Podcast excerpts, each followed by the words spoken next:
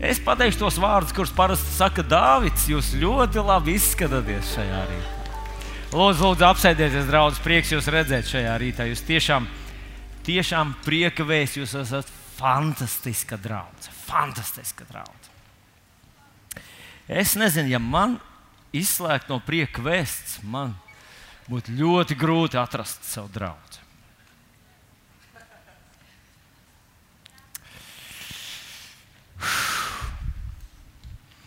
Ko jūs sakat? Dievs iedevis mums vienreizēju vasaru, vai ne?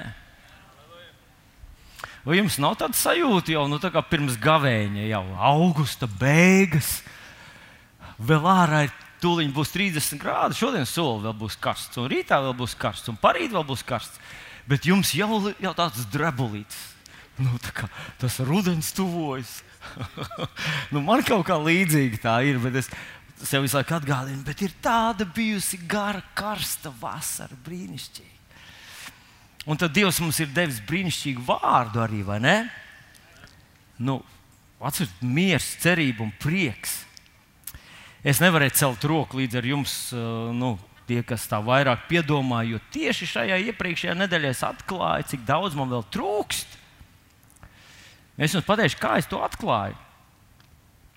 Redziet, viss mana miesa izlaužās tikai vienā gadījumā, tad, kad es braucu ar mašīnu. Un parasti, kad es braucu viens pats, jūs zināt, es esmu eņģelis. Es vienmēr rīkojos pareizi, kas vadīs gars mani vada, visus tā.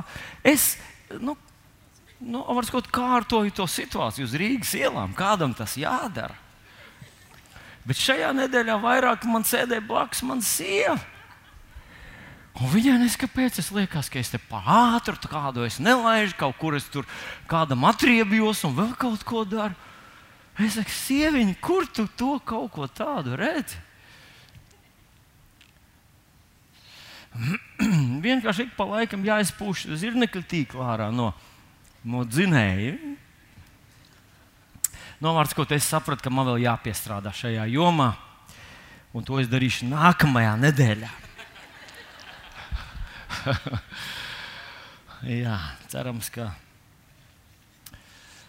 Nu, jā. Bet mums jāpastāsta viens tāds atgadījums ar vienu vīru.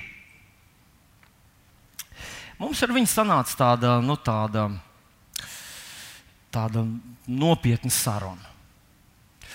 Un man, man bija tāda pilnīga pārliecība, ka viņš runā, tas, ko viņš runā, ir aplami. Un jūs zināt, kādreiz mācītāju pienākumos ietilpst arī tāda lieta, kā, nu, tā kā pateikt tādu skarbāku vārdu. Mēs visi gribam runāt tikai labos tekstus. Tikai teikt, Dievs, tevi mīl, tu esi brīnišķīgs, viss ir jauki. Bet kādreiz jāpasaka kaut kāds tāds, nu, tāds vārdi, kas, nu, kas, uh, kas cilvēkam var sāpēt. Jā, teikšu tā. Nu, un tas bija tas gadījums, kad man tas bija jāizdara. Nu, tā vārds, ko nekas jau nenotika. Mēs jau rokas nevrāvām ārā no kabatas. Mēs esam kristieši no kabatām. Mēs vienkārši es pateicu, viņš pateica, es pateicu. Un mēs izšķirāmies un viss. Nu, bet es jūtu, ka starp mums ir izveidojies kaut kāds tāds nu, plais. Pāris gadus vēlāk mēs satikāmies vienās bērēs. Es izvadīju vienu, vienu nu, mums abiem zinām, zinām cilvēku. Un pēc bērniem es jūtu, ka tas cilvēks grib ar maniem aprunāties. Un jā, beig beigās viņš pienāk man klāt, nostājas un ar tādu sejas izteiksmi. Nu, es, jūs redzat, man, man jāpaskaidro mazliet. Kad mēs cilvēki kaut ko stāstām par kādu situāciju, mēs jau nerunājam tā, kā tas tiešām bija. Vai ne? Jūs to esat pamanījuši? Mēs nestāstām, kā tas reāli bija. Mēs stāstām savas sajūtas. Tāpēc īsti neusticies, ka cilvēki tev kaut ko stāsta par kaut ko, jo viņi stāsta, kā viņi to jūta un kā viņi to redzēja. Ļoti bieži. Un, ja tas runa ir par laulātajiem, ka viens laulātais stāsta par to, kas tur viss notika, vispār netici. Jo viņš tās savas sajūtas. Nu, jā, tur kaut kāds faktus piemin un tā, bet pamatā tas ir, kā, kā viņš jutās, kā viņš to redzēja. Un Salmans saka ļoti gudri, ka tu nevari uzklausīt vienu pusi, jo tikai tad, kad sarunā iesaistās otra puse, tikai tad nāk nu, tā kā tāds kaut kāds līdzsvars atnāk. Nu, lūk, un es jums tās savas sajūtas. Viņš pienāk ar tādu, ziniet, sejas izteiksmi. Es mēģināju atrast ātrumā kaut kādu bildīti, kas tā kā mazliet to nu, ilustrētu. Bet, protams, ka tas nav viens pret vienu. Un es tā pie sevis tā domāju, sagatavojos, ka, nu, acīm redzot, tūņi ies vaļā kaut kas. Un tas cilvēks teica tādus vārdus, ar tādu sejas izteiksmi. Lai Dievs tevi svētī. Un pēc tam viņš pateica vēlreiz to pašu. Nu, bet lai Dievs tevi tā kārtīgi svētī. Tā, nu, tā pa īstam, lai viņš tevi svētī. Viņš to teica divas reizes. Un es teicu, jā, paldies. Pagriezos, gāju prom un pie sevis es domāju, kas tas tikko bija. Man liekas, ka, ja tas cilvēks būtu teicis to trešo reizi, man būtu bijusi sajūta, ka viņš grib, lai notiek tieši pretējais. Bet viņš pateica divas reizes. Dievs tev svētī, lai viņš tev tā kārtīgi, patiešām, patiešām svētī. Un es pārdomāju, pārdomāju, pārdomāju, un tad es nācu pie slēdziena, ka tas vīrs ir ticis pāri kaut kam savā dvēselītē, kaut kādam tādam lielam bubulim, kaut kādam lielam šķērslim, un ka viņš patiešām vēlējās, lai Dievs mani svētī. Un viņš centās to pateikt tādos vārdos, lai tiešām tie vārdi nostrādā, lai tie vārdi tiešām atnes manā dzīvē svētību. Nu, un mans tas lielais šo, šī dievkalpojuma tēma ir tāda, kādi vārdi ir jāpasaka. Kādi ir tie vārdi? Kāda ir tā sejas izteiksme? Kas ir tas, kas patiešām mums jāizdara? Lai, mēs, lai kāds tiktu svētīts. Nu, pieņemsim, kāds cilvēks, kurš jums ir ļoti tuvs un mīļš. Kāds jūsu bērns, jūsu bērns, teiksim, precas, jūsu bērns precas ar kādu. Un jūs, jūs apzinoties, ka tā, ka tā nav, tā nav tāda viegla pastaiga, ka tas nav kaut kas tāds viegls un ha, ha, ka kāzas ilgst, ilgst dažas stundas bet dzīve ilgs gara, un ir rudeņi, un ziemas, un ir vasaras, un ir uzvaras, un ir sakāves. Dzīve ir arī sakāves. Dzīve ir grūti brīži. Ko lai es izdaru tādu, lai viņš tiek patiešām svētīts? Viena no lietām, ko cilvēki izmanto, ir uzrakstīta uh, trešā mūža grāmatā, uh, sastajā nodaļā, uh, piedodiet, ceturtajā mūža grāmatā, sastajā nodaļā ir vārdi, kurus Dievs iedod mūzum, lai viņš tos ieliek Ārona mutē. Nu, tā pārnestā nozīmē, lai viņš tos iemāca Āronam. Un tad viņš saka, tā, tad, kad jūs tādā veidā uzliksiet šos vārdus, tātad Ārons un viņa dēls uzliksiet šos vārdus cilvēkiem, tad es viņus svētīšu. Un tie, šie vārdi ir pārvērtušies par tādu, nu, tādu nu, pantiņu, ja, par tādu, nu, tādu svēto pantiņu. Ļoti līdzīgi kā uh, tēva reize, arī kļuvusi par tādu svētu pantiņu, kur cilvēki izmanto tādās reizēs, nu, kad tā gribās izdarīt to labāko, ko var. Un kāda tie vārdi ir? Tas kungs, lai tevi svētī un lai tevi pasargā, tas kungs, lai apgaismo savu vaigu pār tevi un lai ir tev žēlīgs, Tas kungs, lai paceļ savu vaigu uz tevi un lai dod tev mieru. Esmu bijis draudzēs, kurās divkalpojuma laikā to dara gandrīz trīs reizes.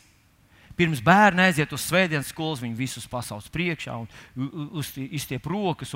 Tas kungs, lai tevi svētī un lai tevi pasargā. Nobeidzot dievkalpojumu, visi viens otram tas kungs, lai tevi svētī un lai tevi pasargā. Mēs gribam tos īstos vārdus pateikt bet lai Dievs patiešām tevi, bet, patiešām tevi svētī. Pagriezies pret to, kas tev sēž blakus, un pasakiet, lai tas kungs patiešām tevi svētī. Nevis kaut kā nu, tā, pa virsmu, bet patiešām tev svētī. Un to es saku bez ironijas. Mīļie draugi,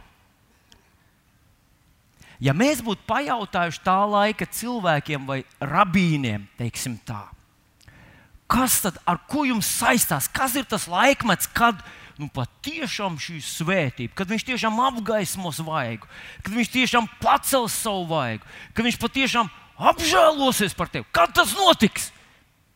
Ja visi kā viens viņam, jums būtu pateikuši, ka tas notiks tad, kad atnāks tas Dieva svaidītais, kad atnāks tas īpašais, tas, ko visa vecā derība rāda uz priekšu, tad, tad tas notiks. Kad viņš atnāks, viņš piepildīs, viņš izdarīs, tad viņš izdzēsīs visus noziegumus, un tad mēs patiešām būsim svēti. Viņi raudzījās nākotnē. Mēs ar jums raugamies uz atpakaļ. Tas notika pirms 2000 gadiem. Tas, par ko visa vecā derība runā, tas, par ko visi pravieši norāda, par ko Dārvids dzied savos psalmos un saka, svētīgs tas vīrs, kuram tu nepielīdzinās viņa grēkus. Vai Dāvidam Dievs nepielīdzināja viņa grēkus? Pielīdzināja. Atcerieties, viņš ar Batsebu apgrēkojās, un tur nāca drusciņā ar novēlošanos, tās nāca eņģēlis, un tūkstoši tur mira. Tur īstenībā Viņa paša dzimtā mira, mira, mira, mira. Tūkstoši no tautas mira.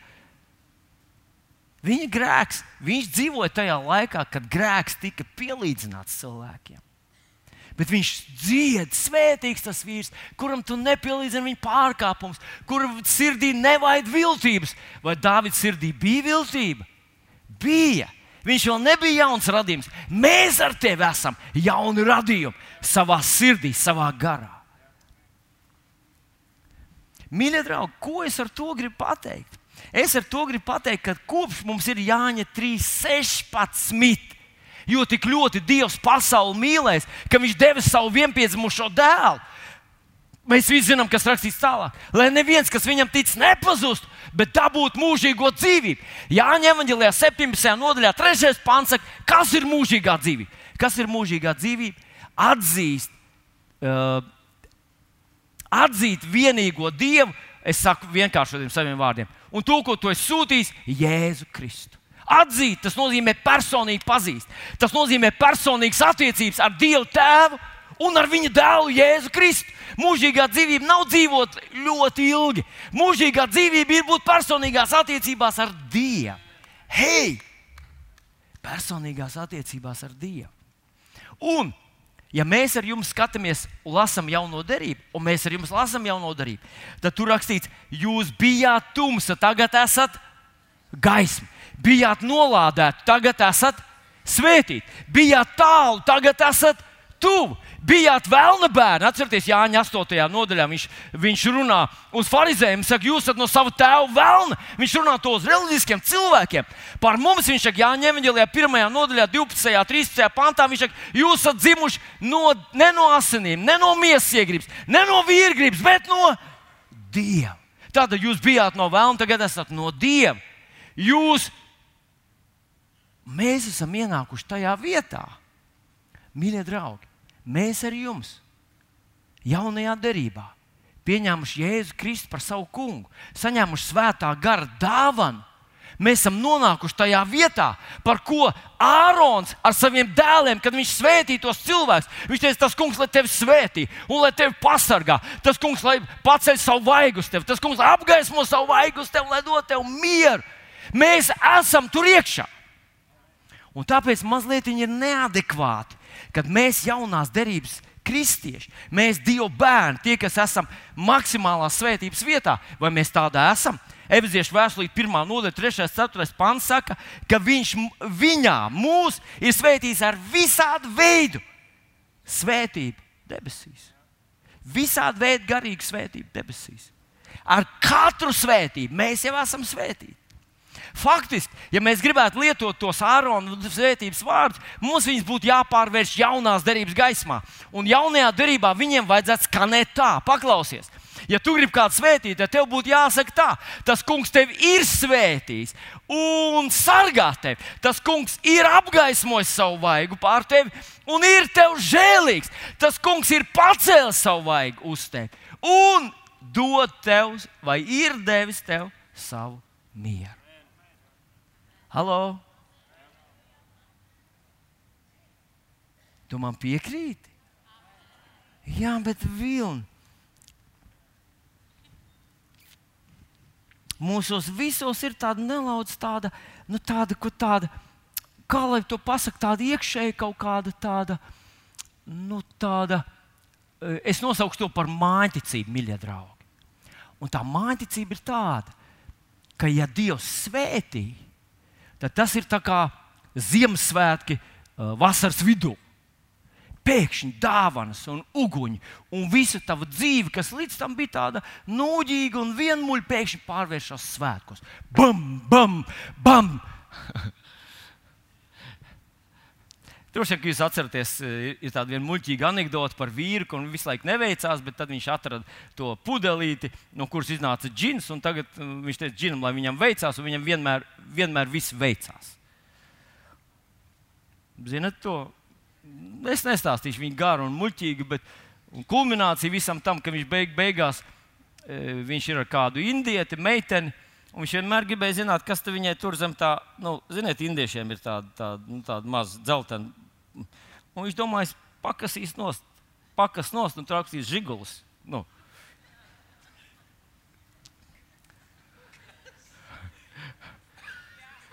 Jūs nesapratāt, droši vien. Jā. Nu, da, doma tāda, ka, ja vien dienu tas kungs pacels savu vaigu un svētīs, un ja tas kungs visu nu, dos, pieņemsim Normundu, rekords Normunds mums tas sēž, dievbijīgs brālis.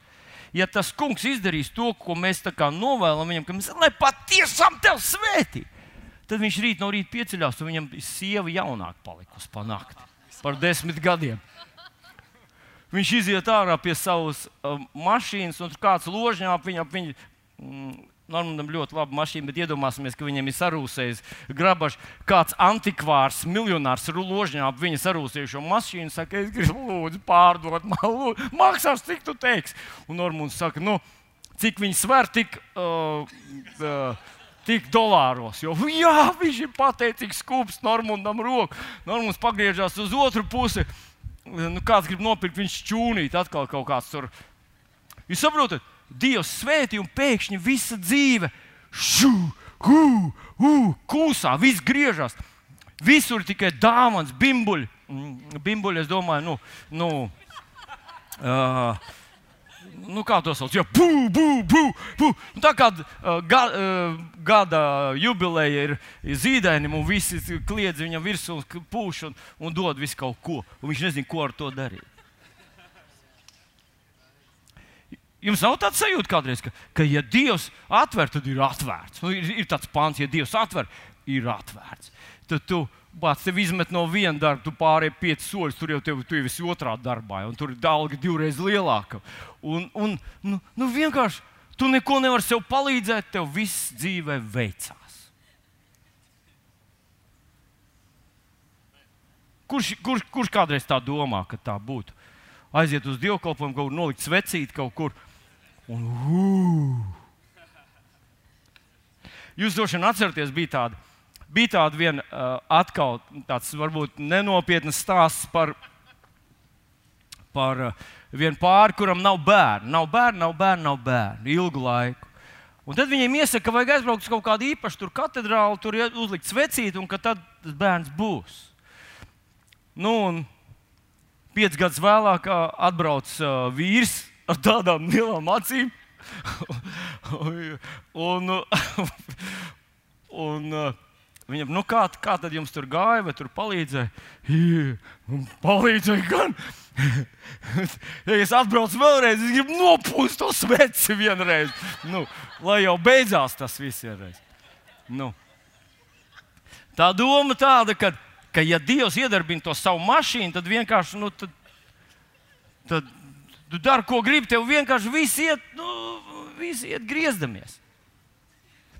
Ja mēs, un tagad tas jautājums, ja mēs tiešām esam svētīti, ja mēs tiešām esam tajā maksimāli svētību vietā, ja mēs, kas mēs saucam, ka Jēzus ir mans kungs, mēs tiešām viņš ir pacēlis savu vaigu uz mani. Un ja viņš tiešām sargā mani, ja viņš ir apgaismojis savu vaigu, ja viņš man ir devis mieru, tad kāpēc manā dzīvē nu, es neredzu tās pārmaiņas? Un mēs varētu sākt no viena gala, sākt ar Kasparu, piemēram, kurš puisis, kas sēž pirmais, pirmajā rindā. Viņam vajag kaut kādas pārmaiņas savā dzīvē. Man vajag pārmaiņas. Un mēs varam katram pieiet, vai tev ir kaut kas, par ko tu šobrīd tici, ka, kur tev vajag izlaušanos. Katram būtu kaut kas. Ja mēs esam maksimālā svētības vietā, tad kāpēc ar mums tā ir? es izdarīšu mazu atkāpīti no sava, palīdzim atgriezties tajā pašā vietiņā, bet es vienreiz uzdevu sev jautājumu par to, kāpēc. Tas bija diezgan daudz gadu atpakaļ, kad mēs bijām pārtikām. Kā jūs zinat, mums bija tāds laiks, kad mēs no diviem cīsiņiem paēdām pieci cilvēki, un Līga mācīja viņus samalt tik daudz reižu, līdz sanāca pilna bļoda visiem nu, ar gaļu. Nu, lūk, un, un, un tad vienā gadījumā, toreiz mēs saucām to par Dieva svētību, ka kaut kādā necerētā un neplānotā veidā, kaut kur no malas, nu, kāds man uzdāvināja 50 dolārus. 50 dolārus. Toreiz tā bija nopietna nauda. 50 dolāri. Un tad es tā pie sevis, no vien, man bija sajūta, kungs, paldies tev, halleluja. Tas nebija gaidīts, nebija plānots. Tas atnāca brīnumainā veidā, pa kaut kādiem neparastiem ceļiem. Paldies tev par to! Bet tad man gribējās tas nākošais jautājums, kāds man bija, kungs, bet man tā vajadzība ir uz 3000. Tu man svētīji ar 50, halleluja! Bet man vajadzība ir uz 3000. Varbūt vēl vairāk. Ko man domāt, vai tas ir viss, kas tev bija? Tas ir viss, uz ko es esmu spējīgs, tas viss, ko es varu saņemt. Kā man domāt? Kā tas darbojas Dieva valstībā? Jo toreiz es daudz ko nesapratu. Un tikai krietni vēlāk es atcerējos tos vārdus, kurus mēs lasām vēl, vēl pirmajā mūzes grāmatā, kad viņš saka, ka virs zemes nemitēsies sēšana un pļaušana, uh, vasara un ziema. Tas nozīmē, ka Dieva valstībā nenotiks tā, mīļais, ja tu gaidi vinnestu vienu dienu, loteriju, ka tu pēkšņi nopļaus 50 miljonus, un beidzot tev paliek pāri, un tev nav vispār jāuztraucās par naudu. Tu tērē pēc, ko gribēji, kur gribi, un bankā vēl aizvien stāv veseli divi koferi, nu, kurus tu nekad neesi pārskaitījis. Tā nebūs. Kāpēc? Jo Dieva valstībā ir tā kā ar zemnieku. Viņš iesēja, viņš nopļāva vairāk. Viņš atkal iesēja, viņš atkal nopļāva. Un tā tas tavā dzīvē šī sadarbība, šī uzticēšanās Dievam, šis princips iesēja, un tu nopļaus vairāk. Sēj atkal! Mēs visi būtu zemnieki, ja varētu nopļaut pirmajā gadā uzreiz visu savus dzīves ražu, un tev vairāk neko nevajadzētu. Bet, diemžēl, tas tā nedarbojas Dieva valstībā. Un es sapratu to. Es sapratu, un kad es nopļāvu 50 dolārus, atkal iesēju. Un, ja es varu iesēt visus, un ja es varu dzirdēt no Dieva, kad Viņš saka, tagad sēj, tad tas ir labākais laiks, kad to darīt. Mīļie draugi, visi tie, kas jūs iesējāt tavā namā, tajā namā, jūs izdarījāt labā laikā, labvēlīgā augsnē. Es ticu, un es gribētu, lai jūs ticat, ka tas atgriezīsies pie jums atkal atpakaļ. Pavairot, svētīts! Un jūs nopļausiet vairāk nekā iesējāt. Bet kāpēc tā tad? Ja mēs esam šajā maksimālā svētības vietā, kāpēc mums visiem vēl aizvien ir vajadzības? Un šeit, mīļie draugi, es gribu teikt, ka Dievs ir piešķīris mums, dāvinājis mums visiem visu. Nu, piemēram, Jāņa Evangelijas 16. nodaļa, 13. 14. pāns, kurš Jēzus saka par svēto garu. Un viņš saka tur tādus vārdus. Bet, kad nāks viņš, patiesības gars, tas jūs vadīs visā patiesībā. Viņš nerunās no sevis paša, bet runās to, ko dzirdēs. Tas mani cels godā, jo viņš ņems no tā, kas ir mans, un jums to darīs zinām. Un nākošais pants skan tā: Viss, kas tēvam pieder, pieder man. Tāpēc es sacīju, ka viņš ņems no tā, kas ir mans, un jums to darīs zinām. Faktiski Jēzus mums saka, ka viss, kas tēvam ir, ir mans, un kad Dievs mums deva savu dēlu, Jēzu Kristu, kad Dievs mums deva savu, atdeva savu vienpiedzimušo dēlu, Jēzu Kristu. Romie, gluži kā romiešiem 8. nodaļā, viņš saka, viņš līdz ar viņu mums dāvināja visas lietas, visa Dieva labvēlība, visa Dieva mīlestība pieder tev un man, ja esmu pieņēmis Jēzu par savu kungu. Visa viņa mierinājums, visa viņa iepriece, visa viņa spēks pieder tev un arī man. Ja Jēzus ir mans kungs, tas mums ir iedots. Un faktiski, mīļie draugi, vairs nav tādu svētības vārdu. Vairs nav tādu svētības vārdu, kurus mēs izrunājot, beidzot panāksim, ka Dievs izdarīs to, ko līdz šim nav izdarījis. Es atkārtošu vēlreiz, labi? Nav nekā tāda, ko mēs varētu izdarīt, lai Dievs beidzot izdarītu to, viņam, ko viņam jāizdara. Lai mēs būtu vēl mierīgāki, vēl priecīgāki, vēl stiprāki, vēl svaidītāki, vēl uh, svētāki. Viņš to visu izdarīja un visu iedeva līdz ar mesiju un glābēju Jēzu Kristu. Un tu to esi saņēmis. Jā, bet uh, tas, ko es jūtu, tas ir viss. Nē, tu nejūti neko. Tur tā problēma ar mums, ka mēs ar jums dzīvojam laikmetā, kas saucās ticības laikmets. Mēs ar jums dzīvojam laikmetā, kas saucās ticības laikmets. Mums tas patīk vai nepatīk. Mēs to izmainīt nevaram. Ir cilvēki, kas nodzīvoja gandrīz 2000 gadu laikmetā. Uh, viņi nenodzīvoja tik ilgi, bet tas laikmets vilkās gandrīz 2000 gadu, kas saucās bauslības laikmets. Dažiem tas nepatika, bet viņi to nevarēja izmainīt. Mēs ar jums dzīvojam laikmetā, kas saucās ticības laiks 2. korintiešiem 5, 7, jo mēs dzīvojam ticībā un neskatīšanā. Mēs nevaram pārbaudīt, nevaram izmērīt, nevaram sajust, nevaram to nokontrolēt. Tas ir vienkārši mums jāuzticas viņa vārdam. Tāpēc mēs nejūtam neko uz savām sajūtām mēs paļauties nevaram. Mums ir jāpaļaujas uz viņa vārdu. Un viņa vārds saka, ka mēs ar jums atrodamies maksimālā svētības vietā, ka Dievs patiešām ir mūsu svētījis, ka Viņš patiešām sargā mūs, Viņš patiešām ir apgaismojis savu vaigu pār tevi un pār mani. Viņš patiešām tevi ir žēlīgs, Viņš patiešām ir apgaismojis savu vaigu pār tevi un dod tev savu mieru. Halo! Dosim aplausu viņam! Viņam, viņš ir cienīgs to saņemt. Vilni, bet vai tad, vai tad, ko tad es varu darīt? Un īstenībā mēs varam darīt ļoti, ļoti daudz. Redziet, kad Jēzus staigāja šeit pa zemes virsmu, viņš jau reprezentēja, uh, jau reprezentēja to glābšanu, pestīšanu, kur mēs ar jums esam saņēmuši. Viņš jau to reprezentēja, lai gan viņš nebija to izdarījis līdz galam. Un mēs lasām kādu interesantu stāstu, kad Jēzus aizgāja savā dzimtenes pilsētā. Tas uzrakstīts Marka evanģēlijā, 6. nodaļā, 5. un 6. pāns. Tur rakstīts, ka viņš atnāca savā dzimtenes pilsētā, nevarēja darīt neko. Nevarēja darīt nevienu brīnumu, tāpēc, ka viņi neticēja. Un rakstīts, viņš brīnījās par viņu neticību. Vai varētu būt tā, ka Jēzus atnāca pie manis, kaut arī man ir vajadzība, kaut arī man vajag izlaušanos, kaut arī varbūt es pat esmu slims. Un viņš atnāca manā situācijā, manā dzīvē, kur es it kā izmisīgi viņu gaidu. Gluži tas atceras ciems, viņu gaidīja tikpat ļoti kā visi citi ciemi, kur viņš gāja un kur viņš dziedināja daudzus. Vai varētu būt tā, ka atnāca manā situācijā, viņš man nevar palīdzēt? Nevis viņš negrib, nevis viņš nepalīdz, bet viņš nevar man palīdzēt. Un viņam jābrīnās par manu neticību, manas neticības dēļ. Vai tā varētu būt? Ziniet, godīgi šodien, retrospektīvi paskatoties uz savu dzīvi, man jāsaka, ka laikam ir gan bijušas tādas reizes, kad es it kā izmisīgi saku, Dievs, kur ir tie īstie vārdi, kas man jāpasaka, lai tu man dziedinātu. Kas ir tā recepte? Kas ir tas, kas man jāizdara, lai to izdarītu? Bet noslēpums tāds, ka viņš jau visu ir izdarījis. Bet man ticība ļoti atpalika no visām manām vajadzībām. Un tāpēc viņš nevarēja.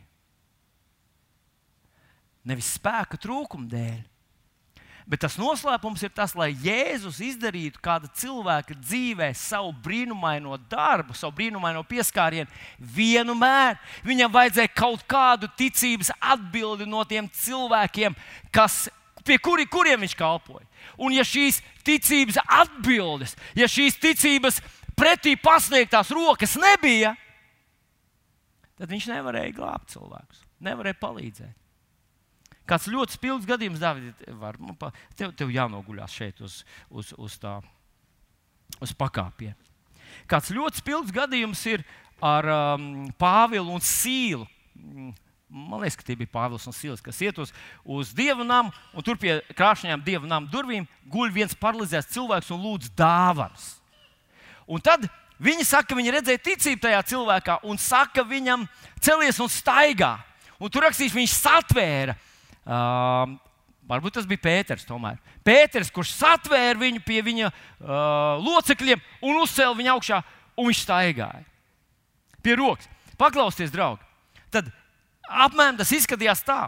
Ja tas cilvēks, kurš tur guļ, ir paralizēts un prasa dāvāns, ja viņam nebūtu ticības, ja viņš nesagaidītu, ka kaut kas tūlīt notiks, viņš tur vienkārši būtu gulējis un Pāvils būtu mm, aiz, aiz ko viņu paņemt, aiz, aiz, aiz čupra, aiz mēteļa. Bet viņš pasniedz viņam roku, padod man roku pretī. Un acīm redzot, jā, kurš kur uzcels, jā. acīm redzot, tas vīrs sniedz savu roku ķērās klāt. Un viņš atbildēja ar savu ticību pretī Pētera ticībai. Un tāpēc, tāpēc viņš uzcēlās gluži kā to izdarīja tagad Dārvids. Es ar to gribu teikt, paldies, Dārvid. Ar to es gribu teikt, ka īstenībā atnācis tavā situācijā. Dievs ir pasniedzis Jēzus caurdurto roku tev palīdzēt. Bet, ja viņš nesastopās ar manu un tavu ticību, ja viņš sastopās ar to, ka mēs vienkārši viņam stāstām, cik mums ir grūti, cik smagi un kā vispār, vispār šajā pasaulē ir tik grūti dzīvot, ir tik gari rudeņi un, un vasaras ir tik īsas un tā tālāk. Vai mēs sakām, man bija slikti vecāki, man ir grūta bērnība, man ir grūta galva, es neko nevaru atcerēties. Dažreiz mēs esam tik ļoti pārņemti ar saviem mīnusiem, ka mēs faktiski nesaskatām, cik ļoti liels pluss ir Jēzus. Cik ļoti liels pluss ir Jēzus, kad viņš ienāca tavā dzīvē. Nu, aizmirst par tiem saviem mīnusiem. Viņi ir, un kaut kādā mērā viņi vienmēr tev pavadīs visu šo zemes dzīvi, jo tu staigā māla būdā, jo tavs dvēselīte ir tikai procesa, atjaunošanās procesā. Viņš ir tik liels plus, ka viņš var kompensēt visus tavus mīnusus. Vienkārši ticība atbildēt viņam.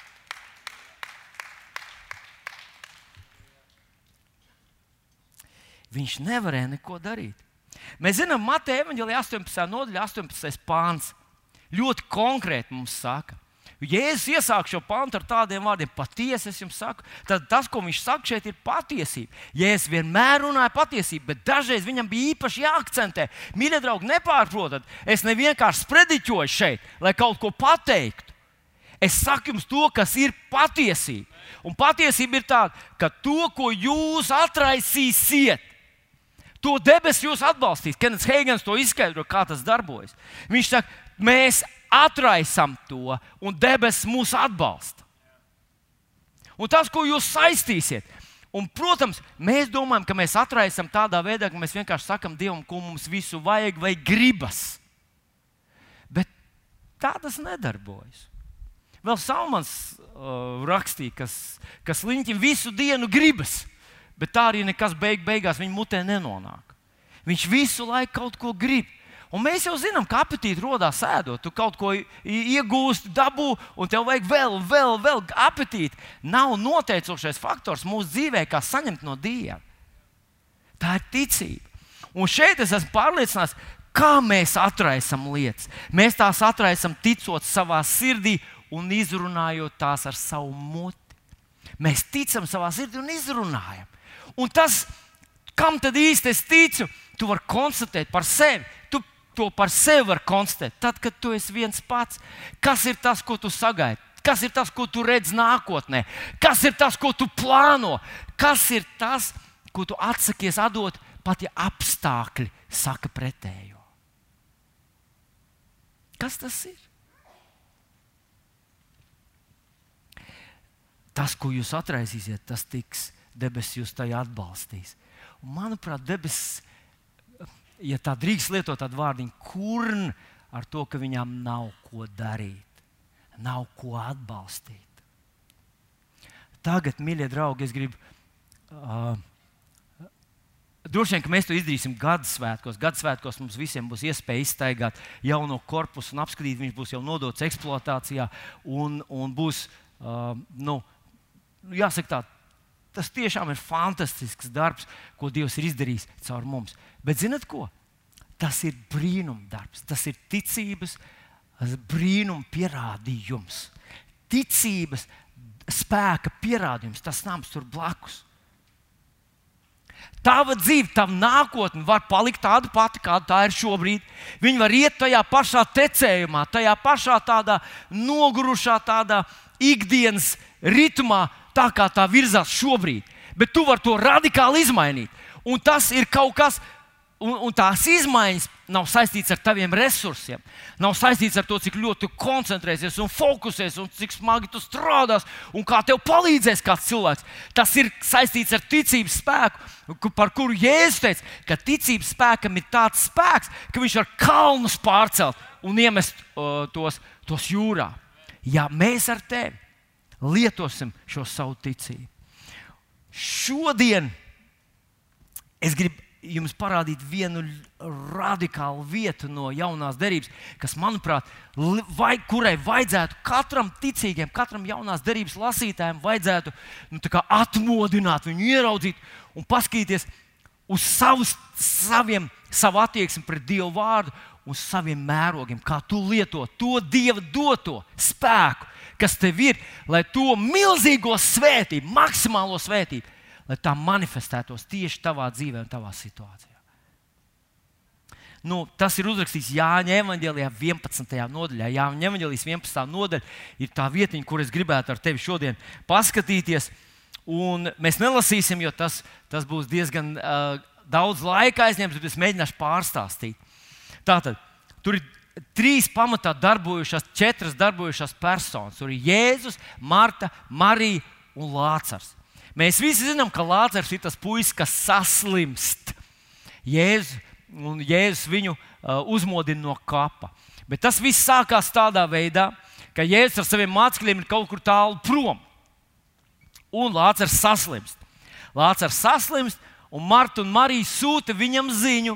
Sūta viņam ziņu, un, un uh, tātad, ka, Lācis ir slims. Viņi saka to tādiem vārdiem: Kungs, redzi, tas, ko tu mīli, ir saslims. Tas, ko tu mīli, ir saslims. Tieši tāpat. Tieši tāpat tu vari teikt Dievam par sevi, Kungs, redz, tas, ko tu mīli, ir saslims. Ja tu esi saslims, vai kāds tavs brālis vai māsas, vai kāds no draudzes ir saslims, tu droši vari teikt Dievam tādiem vārdiem: Kungs, tas, ko tu mīli, ir saslims. Nu, lūk, un tad viņi sūta pie Jēzus vēstnes, viņš atnāk un Jēzus saka, un tad Jēzus viņām īpaši atbild. Mēs pēc mirkļa to uh, paskatīsimies. Bet uh, tātad Jāņem Evangelijas 11. nodaļa mums stāsta, ka Jēzus pēc tam, kad saņēma šo ziņu, viņš vēl divas dienas paliek tajā vietā, kurā viņš ir. Un tad viņš uh, atgriežas atpakaļ, un mēs lasām vēlāk, ka viņš atgriežas atpakaļ četras dienas pēc tam, kad Lācis jau ir kapā. Tad Lācis jau ir kapā četras dienas, un viņš nonāk, viņš iet pa taisno uz kapu vietu. Viņš pat neiet pie Martas un Marijas uz mājām, viņš iet pa taisno uz kapu vietu, uz Lācis kapu, un Marta un Marija dodas turp. Un tad viņš saka, lai viņas noveļ akmeni. Viņš pienāk pie kapa, tas ir uzrakstīts Jāņa Evanģelijā 11. nodaļā, šeit 39. pāns. Jēzus saka, noņemiet akmeni. Noņemiet akmeni. Un Marta, Mirēna māsa, saka viņam tā: Kungs, viņš jau ož. Nu, Ir cilvēki, kas nejūt smaržas vispār, un kur, kuriem nu, tas viņus neietekmē vispār. Bet ir cilvēki, kas ir ļoti jūtīgi uz dažādām smaržām. Kurš ir ļoti jūtīgs uz smaržām? Kurš nejūt smaržas vispār? Uu, ir, ir, ir tomēr mūsu vidū arī tādi cilvēki. Nu, lūk, bet acīm redzot, Marta bija ļoti jūtīga uz smaržām. Un Marta Nē, ne tikai netaisiet vaļā. Tikai netaisiet vaļā to. Es atceros, mēs bijām reizē aizbraukuši ar kādu, ar kādu bērnu programmu uz Alūksni, un mūs uzņēma Alūksnes vecajā kultūras namā.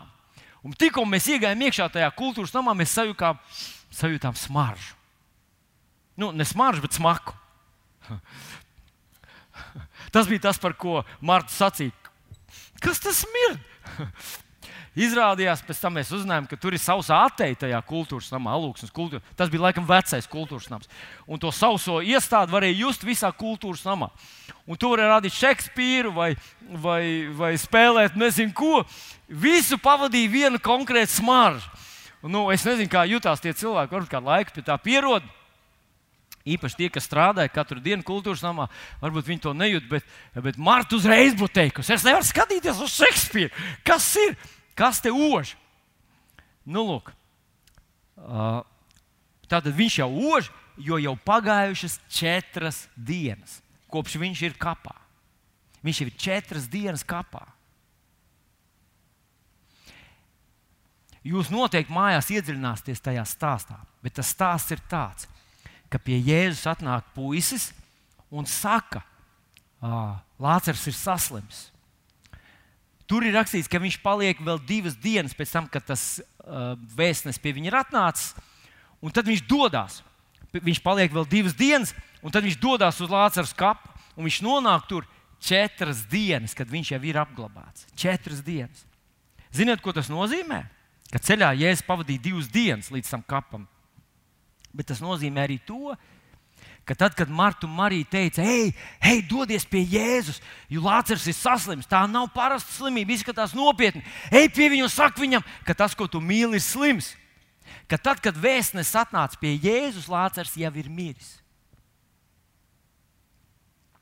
Atnāk vēstnesis pie Jēzus, saka, kungs, tas, ko tu mīli, ir slims. Un Jēzus viņam dod to atbildi, kur viņš atbild, atbild nu, kur mēs to izlasīsim. Bet es gribu vēl īpaši īpaši atgādināt, tagad četras dienas pēc tam, kad Lācis jau ir kapā, Jēzus satiek Martu tajā pie kapa. Viņš saka, novaliet akmeni. Marta saka, uh, viņš jau ir četras dienas kopš miris, viņš jau ir četras dienas kopš apglabāts. Viņš jau ož. Un Jēzus viņai saka, vai es tev neteicu, ja tu ticēsi, tu redzēsi Dievu godību. Un visi droši vien esat uzdevuši sev jautājumu, kad tad Jēzus viņai to teica? Kad, kad bija tie vārdi? Vai tas bija iepriekšējā reizē, kad viņš bija viņu mājās, vai tad viņš teica? Bet es ticu, ka viņš šeit atsaucās uz to, ko viņš atbildēja tam vēstnesim. Vēstnesim. Un vēstnesim viņš saka tos vārdus. Tas uzrakstīts 4. pantā. 40. pantā viņš saka, vai es tev nesacīju, ja tu ticēsi, tu redzēsi Dieva varenību. Un 4. pantā viņš saka šim vēstnesim tos vārdus, kurus vēstnesis pēc tam atnes mājās. Un viņš saka, ka šī slimība nav uz nāvi, šī slimība ir Dievam par godu, lai Dieva dēls ar to tiktu pagodināts. Padomā, tas vēstnesis ir atnācis. Viņa vēstnesis vēl nezina, ka Lācis jau ir miris. Un Jēzus saka tam vēstnesim, šī slimība nav uz nāvi, šī slimība ir Dievam par godu, lai Dieva dēls ar to tiktu pagodināts. Un, jā, ceturtais pāns, lai Dieva dēls ar to tiktu pagodināts. Un tagad iedomājieties to situāciju. Vēstnesis izdzirdējis, ka, ka tā nav uz nāvi, kad Dieva dēls ar to tiks pagodināts, dodas atpakaļ ceļā pie Martas un Marijas. Viņš nāk pie viņām atpakaļ, rekurors atnāk pie, pie Martas un Marijas, un Marta un Marija prasa, ko Jēzus teica? Un es saku, Jēzus teica, ka šis slimība nav uz nāvi. Un Marta skatās manī tādām acīm, viņš jau divas dienas ir apglabāts.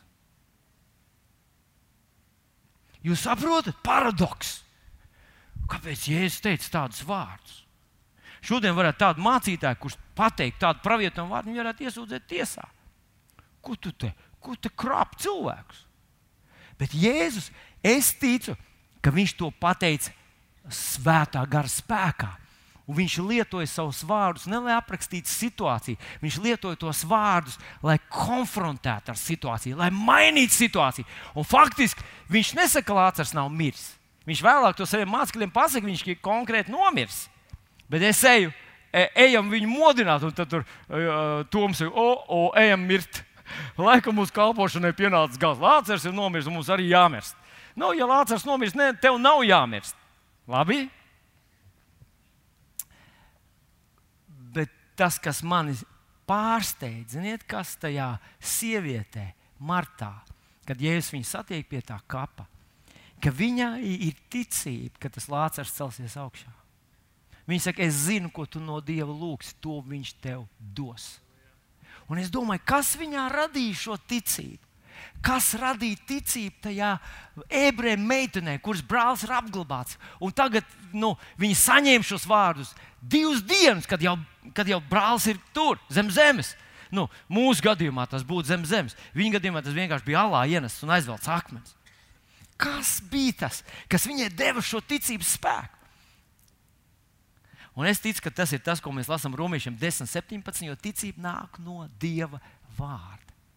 Viņi nevienkārši uzklausīšos viņu. Ko Jēzus teica? Viņš teica, ka šī slimība nav uz nāvi, kā ar to Dievs tiks pagodināts, ka cilvēka dēls, ka Dieva dēls ar to tiks pagodināts tagad. Viņa to atkārtoja un atkārtoja savā dvēselē, gluži kā to darīja Abrahams. Kad, eh, kad Dievs viņam deva vārdu, viņš teica, es esmu daudz tautu tēvs, es esmu daudz tautu tēvs, un tas vilkās gadiem. Viņš teica, Dievs teica, es esmu daudzu tautu tēvs. Tas viņā radīja šo ticību. Dieva vārdam ir spēja tevī radīt šo brīnumaino spēku, kas saucas ticība. Tas nav intelektuāli pārdomu rezultāts, tas nav tavs stipra rakstura rezultāts, tas nav tavs latviskās mentalitātes rezultāts. Tas ir Dieva vārds. Kad mēs to uzņemam, Viņš mūsos rāda ticību. Huh. Huh. Es gribētu mācīties no Martas.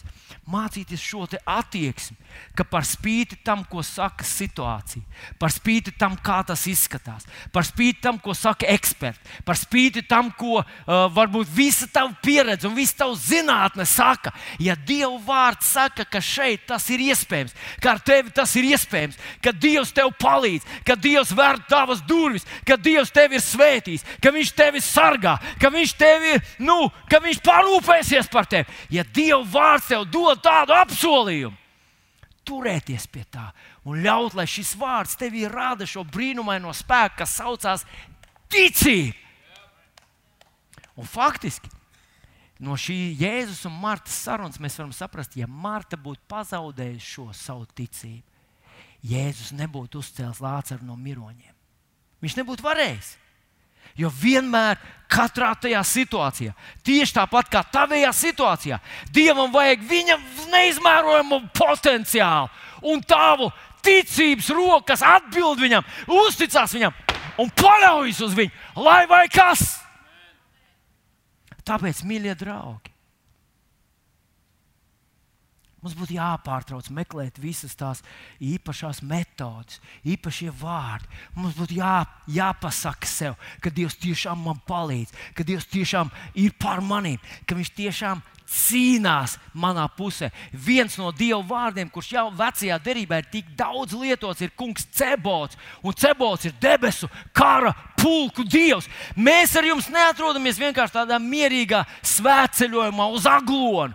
Mēs ar jums atrodamies kara gājienā. Tas ir kara gājiens par tavu dzīvi, par tavu aicinājumu. Tas ir kara gājiens par visiem tiem apsolījumiem, kurus Dievs tev ir devis, kurus Dievs grib piepildīt. Piepildīt tev par svētību, viņam par godu un visiem apkārtējiem par liecību. Jo, ja tu ej no ticības, tu uzvari vienā cīņā, tu uzvarēsi nākošajā, tu ej uz ticību, tu ej no ticības, tu ej uz ticību. Ja tu ej no sakāves uz sakāvi, nākamā būs vēl lielāka sakāve. Tāpēc tu nevari atļauties zaudēt nevienā vienā vienīgā instancē. Šito meiteni. Jēzus pateica, brālis ir miris jau divas dienas, bet viņš teica, tas nav uz nāvi. Citiem vārdiem viņš saka, ka šīs situācijas gala rezultātā nebūs nāve. Un es gribēju pateikt, ka mums ar tevi ir jāiet cauri dažādām grūtām vietām dažādām grūtām vietām. Un, ja mēs tikai no tā, ko mūsu acis redz un ko mēs varam pataustīt, mēs būtu tādi ticīgie, kas priecājās tad, kad ir saulīt, un tad, kad viss sanāk tā, kā mēs cerējām un plānojām, un tad mēs esam tik ļoti pateicīgi. Bet tikko samilst mākoņi, tikko ir tumša, drūma un augsta diena, mēs uzreiz padodamies, uzreiz sanīkstam, mēs uzreiz piņājam un vaidam. Tad kas mēs par ticīgiem cilvēkiem esam? Mums būtu jāiemācās uzticēties Dievam, tā kā tā mazā Marta. Dievs man palīdz!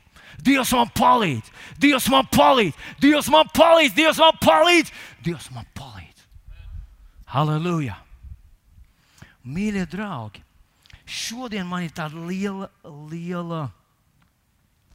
Uh, vēl viens mazs pantiņš, pirms mēs paskatāmies uz pērlēm, kuras Dievs mums ir devis, vai vārdiem, kurus Dievs mums ir devis šajā, uh, šajos pēdējos gados, par kuriem mēs gribētu. Es tevi lūgtu, es varētu nomesties uz ceļiem šeit, uh, lai lai iesaisties tu, lai tu iesaisties mūsu tajā kopējā cīņā. Bet pirms tam es gribu parādīt šos 1. Timoteja 1,18, kur apelsīns Pāvils raksta Timotejam, un viņš raksta tur tādus vārdus. Viņš saka, es tev lieku pie sirds šo piekodinājumu pēc agrākiem praviešu vārdiem par tevi, lai tu cīnītos saskaņā ar tiem labo cīņu. Un tad viņš lieto šos te teicienus savā ticībā. Tas tas, par ko mēs šodien runājam. Bet viņš saka arī labā sirdsapziņā ko daži ir atmetuši, un tā viņa ticības laiva ir sadragāta. Ticības laiva sadragāta nozīmē to, ka tie puiši gan devās ticības kaujā. Viņi devās ticības cīņā. Jā, viņi arī uzticējās Dievam, jā, viņi arī paļāvās uz to kungu, jā, viņi arī novērtēja viņa apsolījumus, viņa vārdus. Bet viņi neturēja savu sirdsapziņu tīru. Par to varētu diezgan daudz runāt, bet tā galvenā lieta ir tā, ka tu dzīvo maksimāli svēti, cik vien tu vari. Tu centies būt maksimāli svēts. Tu centies rīkoties pareizi. Tu dari tā, kā Jēzus būtu darījis, runā, kā Jēzus būtu runājis, tu domā, kā Jēzus būtu domājis.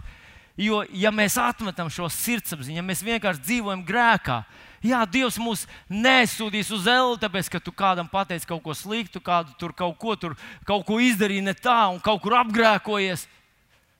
Jo viņš paņēma visu tavu sodu un paņēma visus tavus grēkus. Bet viena no lielākajām lietām, ko, ko, ko grēki mūsu dzīvē, kad mēs pārkāpjam savu sirdsapziņai, kad mēs neklausām viņai un nepadodamies viņai, viņa atnes mūsu dvēseles sajukumu. Mēs tā kā kļūstam cilvēki ar dalītu dvēseli. Mūsu sirdsapziņa mums visu laiku apsūdz un saka, tu esi grēkojis, Dievs nevar tādam palīdzēt, Dievs nevar būt ar tevi.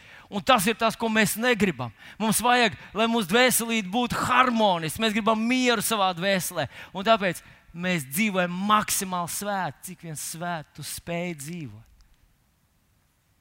Ticības cīņā mēs uzvaram, kad mēs turam ticību un rēķinamies ar savu sirdsapziņu. Redz, kad mēs grēkojam kaut ko, mēs dodam vietu vēlnam. Un vēlns var atnākt un, un dažādos veidos mums uzbrukt. Un parasti viņš nāk nogaida mazliet, un nāk tad, kad vairākas lietas kopā sakrājas.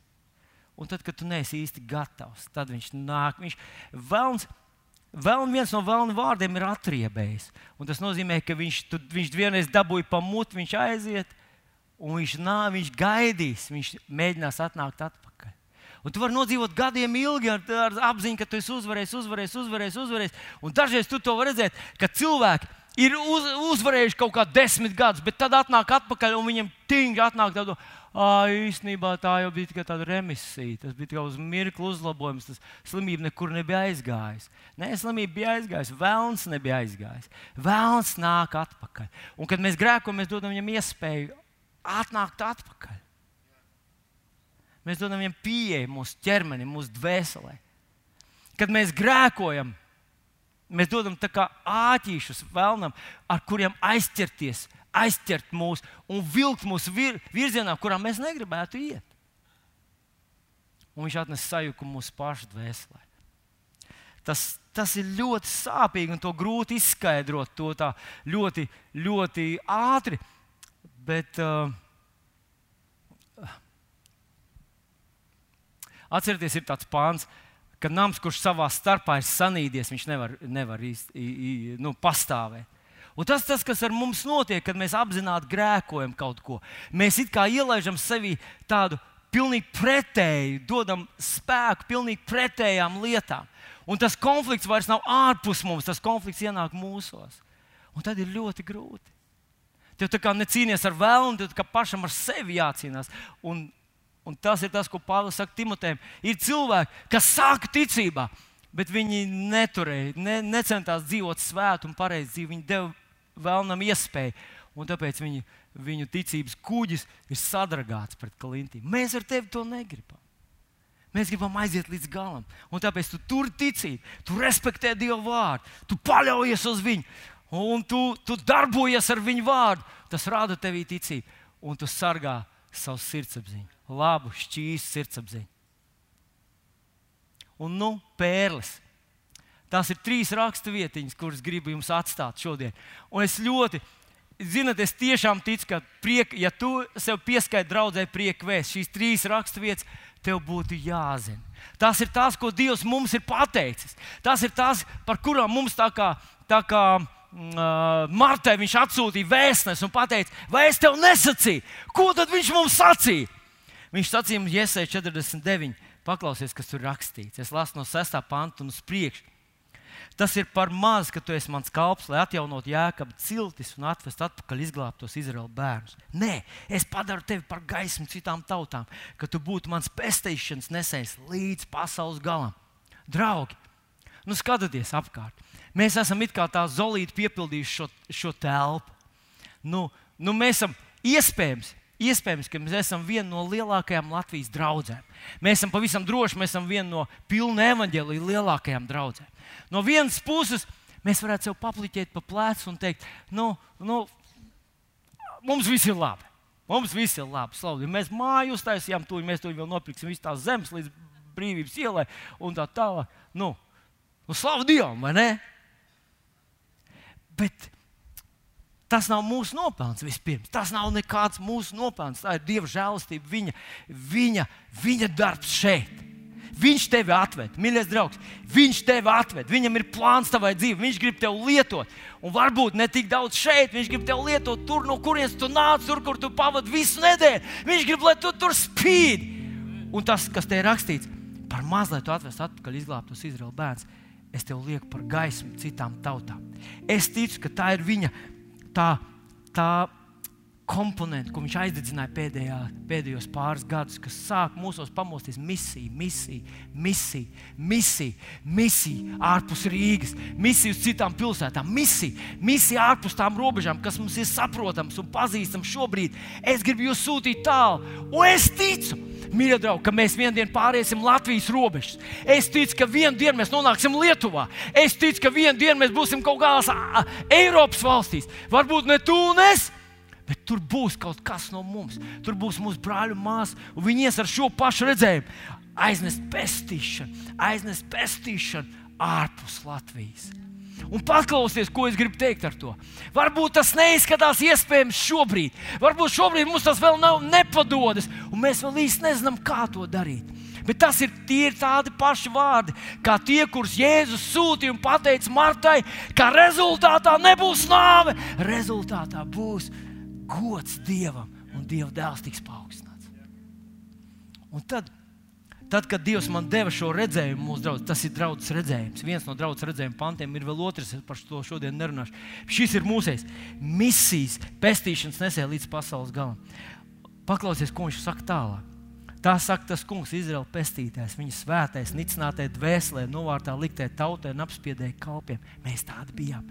Ķēniņš to redzēs un piecelsies. Liela kunga zelmosies tā kunga dēļ, jo viņš ir uzticīgs Izraēlas svētā dēļ, kas tev ir izredzējis. Viņš tālāk saka, tā es tev paklausīju žēlstības laikā, es tev palīdzēju pestīšanas dienā, es tev pasargāju un celšu tevi tautai par derību, lai atjaunotu kārtību zemē. Zinat ko? Es šo negribu uzvilkt pārāk mazus mērogus, jo Dievam ir, Dievs ir liels un viņa mērogi, ja viņš atrod kādu cilvēku, ko viņš var lietot, ja viņš atrod draugu, kas viņam uzticās, tie mērogi vispār var būt milzīgi. Es ticu, ka Dievs šajā pantā, šajā vārdā saka, ka mēs ietekmēsim savu zemi. Ne tikai atsevišķu cilvēku dzīves. Un varbūt tev šodien tu sēdi savā vietā un tu saki, man ir grūti, man, man dzīve ir tik daudz sarežģīta. Tas nenozīmē, ka tu nevari ietekmēt zemi. Tas ir tas, kam dēļ patiešām mēs šeit esam. Jūs zināt, Dievam nevajag lielu piepūli, lai vienkārši palīdzētu tev savā finansēs, lai tu vienkārši nodzīvotu līdz rītam vai nodzīvotu līdz savai nāves dienai. Tas ir par maz tādam Dievam, kāds ir tev. Viņš grib, lai tu ietekmē pasauli. Viņš grib, lai tu atstāj pēdas. paklausies, es pateikšu vēlreiz, kad Dievs aizdedzināja tevi. Es runāju ar, ar mīlestības sugunu, pestīšanas sugunu. Viņš gribēja, lai pacelt tevi augstu, lai visi redz, kādu darbu viņš pie tevis izdara. Cik ļoti viņš spēja tevi pārvērst, cik ļoti daudz viņš var izdarīt caur vienu parastu cilvēku. Un tā ir patiesība, viņš var izdarīt daudz. Tāpēc man ļoti gribas, ka mēs kā draugi paņemtu šos vārdus priekš sevis, tu tos paņem priekš sevis un pateikt, ok, es arī esmu tas lēznas pestīšana līdz pasaules galam. Un vēl divi panti, lūdzu, lūdzu pa, pa, izturat vēl. Pavisam nesen Dievs deva mums otrā tesloniķiešiem 3-3. Tas kungs ir uzticams. Viņš jūs darīs stiprus un pasargās no ļaunā. Pavisam nesen Svētais Gars man ir parādījis to jaunā gaismā. Viņš teica, tā, paklausies, nerociet ierakumus un nes, nežāvējiet sausiņus. Negatavojieties aplenkumam, negatavojieties karam glābiet cilvēkus! Viņš teica, viņš pasargās mūs no ļaunā. Viņš pasargās mūs no ļaunā. Jā, mēs, mēs domājam, es domāju, es runāšu par sevi. Es domāju, ka viss tas skrējiens, kas šobrīd ir sācies, ka viņš pātrinās tempu līdz pum, ieskries sienā. Es domāju, ka viss tā pasaules ekonomika, visas tās savstarpējās, kaut ko esmu stāstījis, kā es, es sajūtu savā sirdī, kas notiks ar Latviju, ka būs krīze liela, bet ļaunākais nenotiks. Dievs mums izvedīs tam visam cauri, un mēs ar tevi, mēs ar tevi pratīsim izmantot to krīzi, un Latvija izies tai cauri. Uh, un, un iespējams, ka mūsu autoritāte tajā krīzes brīdī pacelsies, ka cilvēki daudz vairāk respektēs, un cienīs un novērtēs kristiešu un pravietisku vārdu. Iespējams, ka tieši tas tā notiks. Es to vēl neredzu. Bet es saku, ka Dievs mums šeit teica, negatavojieties uh, karam. Nebaidieties no tā, kas stāv jums priekšā. Es jūs izvedīšu cauri, es jūs pasargāšu no ļaunā. Un tas, protams, tev jābūt gudram. Bet tas nozīmē, ka fokus ir kaut kur citur.